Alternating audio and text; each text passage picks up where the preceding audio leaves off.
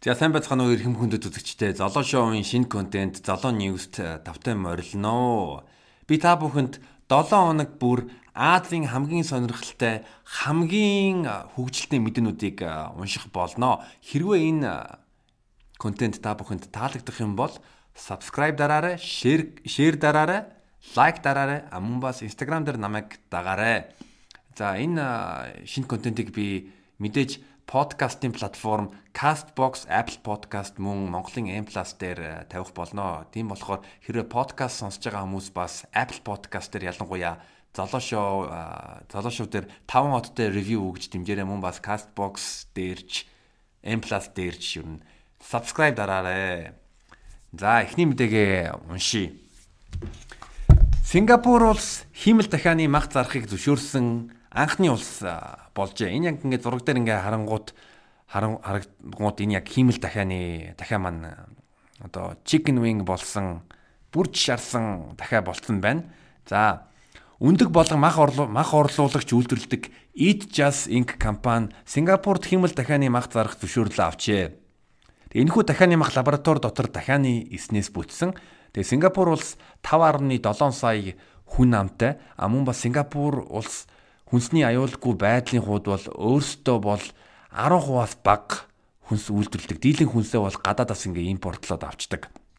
Э, Сингапур улс 2030 он гэхэд яг дотоодын нийт хүнсний үйлдвэрлэлээ 30% хүрэхэд зорж байгаа. А өөр сонирхолтой фактас гэвэл энэ Eat Just гэдэг компани маань эх жил лабораторид үйлдвэрлэсэн үхрийн маха батлуулаад бүргэр хийх гэж э, байгаа. Тэгэхээр ер нь бол ирээдүйд шинэ жилээр иддэг ананастай дахиа маань хиймэл дахиа болох болох байгаа юм байна. Ер нь бол хүнс маань ер нь хиймэл болох байгаа юм шүү. Тийм болохоор одоо яг энэ хүнс яг ингээд жинхэн байгаа үедээс жинхэн юм идж байгаа да баярлцгаая. За дараагийн мэдээ. Япон улс 2030 оны үеэр дан түлшээр цэнэглэгддэг машиныг хорих хорих төлөвлөгөөтэй байна. За Япон улс жилд 5.2 сая шинэ машин бүртгүүлдэг юм байна. Тэгээд энэ бүртгүүлсэн машинаас нь 29% нь гибрид эсвэл цахилгаан байдаг юм байна. Япон улс 2030 онд гибрид болон цахилгаан машины хувийг 50-аас 70% хүртэл хүргэмээр байгаа. А мөн бас Япон улс 2050 онд нүүрс төрөгчийн ялгаруулалтаа тэглэх тэглэх зорилготой байгаа. Гэхдээ яг тэглэж чадахгүй л ягаад гэвэл хүн унгах юм бол ер нь бол нүрс зүрэгч бол ялгардаг шүү. Солонгосын их хурл цэргийн алба хаах хуулиа өөрчилжээ. Солонгосын их хурл цэргийн алба хаах тухай хуулиа шинжилжээ. Шин заалтанд дэлхийд танигдсан эрэгтэй поп уран бүтээлч нар 30 нас хүртэл цэргийн алба хаахаа хоошлуулах боломжтой болсон. А өмнө бол энэ хуульд Солонгосын тамирчид а мөн бас сонгодог хөгжимчд бол цэргийн алба хаахаа бол хоошлуулах боломжтой байсан. Харин энэ шинжилтээр бол pop уран бүтээлчд бол сайхан цэргийн алба хоошлуулад солонгос K-pop соёлоо бол тэр чигээр нь сурталчлах боломжтой болсон. Солонгосчууд ер нь K-pop-то хичнээн хаач холбогдлоо гэж байгааг бид нар одоо энэ хуулиар бол ойлгож болно. А энэ хуулийг бол ер нь бол BTS хамтлагаас болоод энэ хуулийг хуулийг э, батлуулсан гэж хэлж байгаа. BTS-ийн хамгийн хамгийн настай гишүүн нь одоо 28 нас хүрж байгаа. Тийм болохоор 2 жилийн дараа бол цэргийн алба хаах юм байна. А мөн бас сонноос BTS хамтлаг саяхан Live Goes On гэдэг шин дууга гаргасан. Тэгээд тэр шин дуу нь Америкийн хамгийн өндөр борлуулалттай Billboard 100 гэж Hot 100 гэж жагсаалтан дээр тэргүүн байр эзэлж байгаа бас нэг солонгосчууд бас нэг шинэ рекорд тогтоожээ.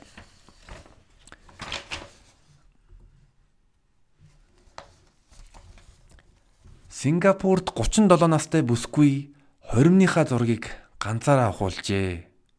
37 настай Шаша гэдэг нэртэй бүсгүй болзооны апаар нэгэн эрэгтэйд танилцаад 3 удаа болзоод 3 удаа болсныхан дараа эрэгтэй нь Шашад маань гэрлэг санал тавиад тэгээд Шаша исламын шашинтан болохоор аав ээжээсээ зөвшөөрөл аваад аав ээж хоёр нь зөвшөөрөнгүүд нь мань хоёр нь яг одоо хурмын бэлтгэлийн ажлаа хий ажлаа хийж эхлүүлснийхэн дараа яг яг хурмын хурим хурим болохоос 3 7 хоногийн өмнө эрэхтэй за ер нь хоёлаа тэ сууга болиё гэж хэлсэнгүүт нь шаашаа маань даашин за авцсан байсан мейкап артистад захиалсан байсан тэнгүүд нь шаашаа маань шаашаа гэж хэлээд тэгээд ганцаараа хормын зураг зураг авахулсан байгаа байна. За тэгээд та бүхэн шаашаагийн зургийг хараарай. За дараагийн мэдээ рүү орцгоё.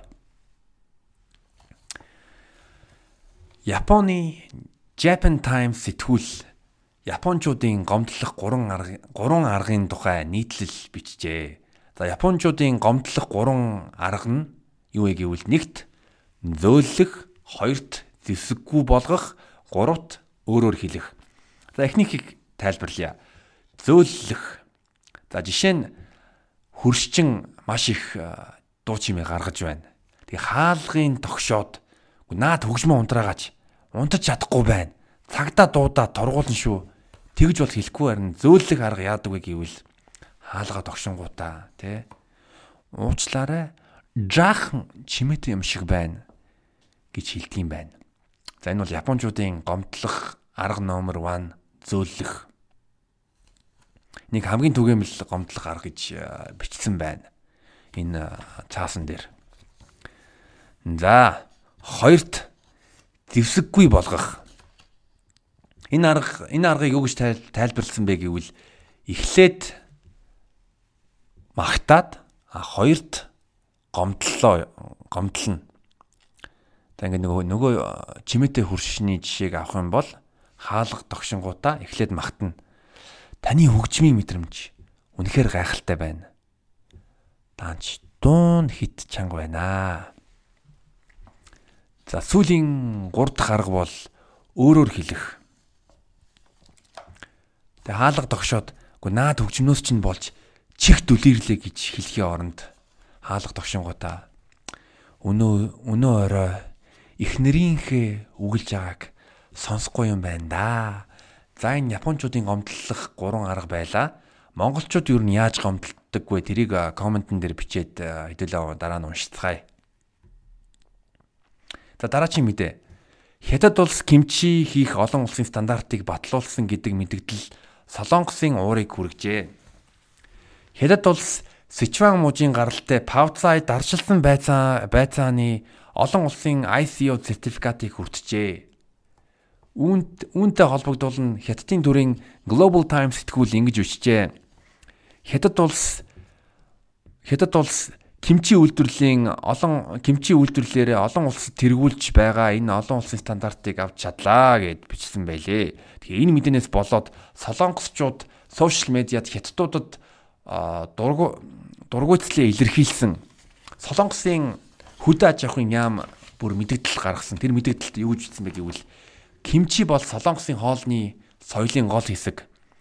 Мөн кимчи хийх дэлхийн стандартыг 20 жилийн өмнө бид нэр дэлхийд даяар зөвшөөрүүлсэн. Хятадын ICO батлагдсан хоол бол кимчи биш харин павцай. Павцай бол кимчитэй ямар ч холбоогүй гинэ. Хоёулаа даршилсан байцаа бол мөн. А тэгээ сонирхолтой мэдээнээс Солонгос улс 2020 оны 1 сараас 9 сар хүртэл 109 сая долларын кимчи экспортлжээ. Мөн бас Хятад улс Солонгос руу их хэмжээний кимчи экспортлдог юм байна. За хэдүүлээ яг энэ жишээгээр э, ярих юм бол одоо Монголын монголчуудын маань бууз болон цувин энэ бол Хятад хоол шүү гэдгээ ер нь дотроо бодож бай. Дараагийн мэдээ Японы эзэн хаан Нарухито их хатан Масако хоёрын ганц охин 19 нас хүрчээ. Айко гэдэг нэртэй Японы гүнж Токиогийн Gakushuin University-д Япон уран зохиолын 1-р курсын оюутан 10 жилд сурч байхдаа Япон уран зохиол сонирхож буйгаа илэрхийлсэн. 10 жилийн төгсөлтийн шалгалтын дээрээ нохой муурны тухай зохиол бичсэн. Түүний бичсэн зохиол нь стандартаас 2 дахин урт байсан билээ. Японы хаан ширээнд харин зөвхөн эрэгтэй хүнээр удам дамждаг юм байна. А мөн бас хааны удмын эмэгтэй хүн жирийн баачкатаас уул хааны удмын эрхээ алддаг юм байна. Дараачин мэдээ. Инэтгэгт хоёр эрэхтэй 95 мянган доллараар Аладдины дэнлүү зарж хүн холигдчихэ. Интгэгт хоёр эрэхтэй хүн Лайк хаан гэдэг эмчит шидэт Аладдины дэнлүү гэж хэлээд заржээ. Тэгээ эмч Лайк нөгөө дэнлүүгээ худалдаж авсныхан дараа цагдаа дээр очиж гомдол гаргасан байна. Дэнлүү нь ямар шид шидгүү байна гэж цагдаад мэдгдсэн. Тэгээд баригдсан эрэгтэйчүүд дээр энэ дэнлүү зарсан хоёр эрэгтэйчүүдийг нь цагдаа нараа барьж чадсан, барьчилж чадсан. Тэгээд баригдсан эрэгтэйчүүд нь нэгэн зүүн бэлэгтэн болж шидэт дэнлүүгээр жин буюу дэнлүүгийн сүнс дуудахыг үзүүлсэн. Аа харин хоёр дахь нь бол хоёр дахь ер нь жиний дүр бүтээгээд тэгээд итгэл үнэмшил бүтээжээ. Тэгээд тэгээ тэр дэнлүүг худалж авсан лайк хаан маань асуусан байлээ би энэ жинт хурж болох уу гэсэн чинь нөгөө залуу нөгөө зар нөгөө дэлүү зарж байгаа залуу нь үгүй энэ энэ жинт хурж болохгүй хөрх юм бол танд нүгэл авчирна шүү харин танд бүр гоё санал татгалзахын аргагүй санал тавья та энэ дэнлүүг аладдины дэнлүүг худалдаж авах юм бол танд эрүүл инх ад жаргал амун бас эд баялаг авчирнаа Тэгээд лайк хаан маань 95 мянган доллараар Аладдины дэнлүү худалдаж авч чадлаа. Одоо бидний одоо баяс баясал боллоо доо. За комент хэсгээр ер нь Монголын мундаг тийм холихны жишээнүүд ер нь ямар байгаа юм бэ? Монгол ер нь Монголын холихны гарууд маань ямар арга хэрэгэлдэг юм бэ? Юу юу зардаг юм бэ? За энэ Like хааны хувьд бас те Black Friday бол ер нь бол амжилтгүй боллоо яг Black Friday-ээр байла да. За дараагийн мэдээ. Jyokuku Minsha хэвлэлийн компани 1984 оноос жил бүр Японы хамгийн тренд үгийг шалгаруулдаг. Тэгээ тухайн жилд тренд үгүүдээрээ Японы нийгмийн чиглэлүүд бизнес, спортын улс төрийн хамгийн эрэлттэй мэдээнүүдийг харж болно Харин энэ жил энэ жил Японы 2020 оны хамгийн тренд үгээр Японы Токио хотын засаг дарга Юрико Койкегийн хэлсэн Санмитсу гэдэг үг шалгарчээ. За Санмитсу үг өөрөөр хэлбэл 3 цэр гэж монголчилж хэлж болох юм байна. Нэгт хаалттай орчноос зэрл, хоёрт цуглаанаас зэрл, гуравт гуравт хавьтлын нөхцлөөс зэрл, Японы хэл судлаачид энэ үг бидний амьдралд маш их нөлөөлсөн гэж бичсэн байна. Мөн бас энэ үг Японы олон нийтэд коронавирусын эрсдлийг ухамсарлуулсан а мөн бас цар тахлыг зогсоох арга хэмжээ авахд бас нөлөөлсөн гэж магтсан байна. За Монголын хамгийн тренд үг юу вэ? 2020 онд Монголын тренд үг юу вэ? Тэрийг бас комментэн дээр бичихийг би урайлж байна. Эсвэл яг манай ерөнхий сайд шиг Монголын 2020 оны 2020 оны хамгийн тренд үгийг бичих коммент секшн дээр бичих ерөнхий чиглэл өгж байна. За дараагийн мэдээ. K-pop-ын хамгийн гэй алдартнуудын жагсаалтанд 10-т жагсан гэж K-pop дуучин Хоолланд гомдлжээ. Фэнүүдийн зохиосон асуулгад K-pop дуучин Хоолланд дүнгиж 10-т жагсжээ гэж Instagram дээр гомдлжээ. Тэгээ Хооланд энэ Хооланд гээд энэ K-pop дуучин бол өөрийгөө гэй гэдгийг нээлттэй илэрхийлсэн цөөхөн хідэн K-pop артистуудын нэг.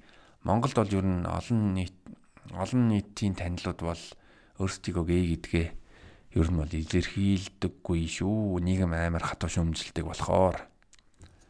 За дараагийн мэдрээг оръё. Казахстан улс өөрийгөө very nice гэдэг үгээр албан ёсоор сурталчилж эхэлжээ. Казахстаны аялал жуулчлалын холбооны дэд ерөнхийлөгч Кайрат Садвасаков хэлжээ. Боратын ашигласан үг маш богинохноор Казахстаны аялал жуулчлалын өргөн боломжуудыг төгс илэрхийлдэг гэж хэлжээ.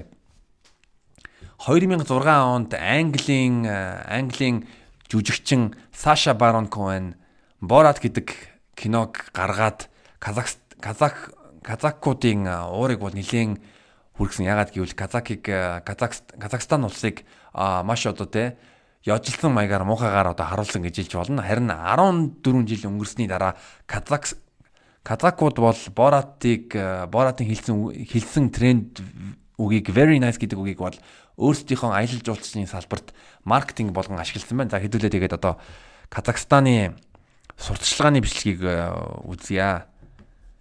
За хэр болох хэр болсныг одоо шалгая.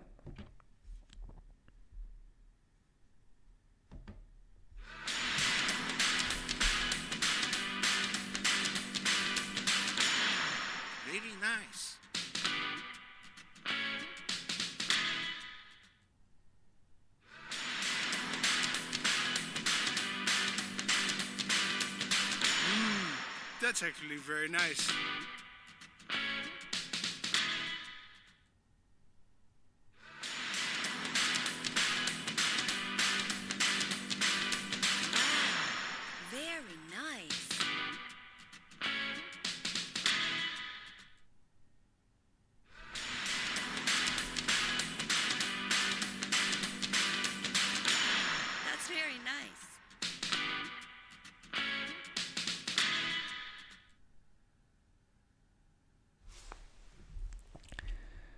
За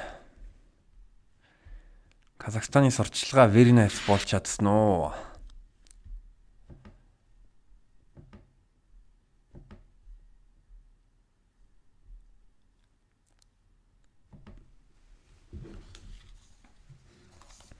За дараагийн мэдээ. 2016 оны Miss Earth Philippines 2006 оны ялагч Имельда Швайкарт Герман Филиппин гаралтай бүсгүй би K-pop-ыг үзэн яддаг Филиппинчууд үндэсний чанараа алдаж байна гэж сошиал медиа дээр шүүмжилжээ. Энэ шүүмжилсний дараа Филиппиний Миссийн цоошин дууны комментэнд ор мянган K-pop фэнүүд хайртай K-pop дуунуудынхаа үгийг бичиж дургуйцлээ илэрхийлжээ. А мөн бас саяхан Mrs M K-pop одыг шүүмжилснээр бас манай Монголд нэлийн сенсацлсан.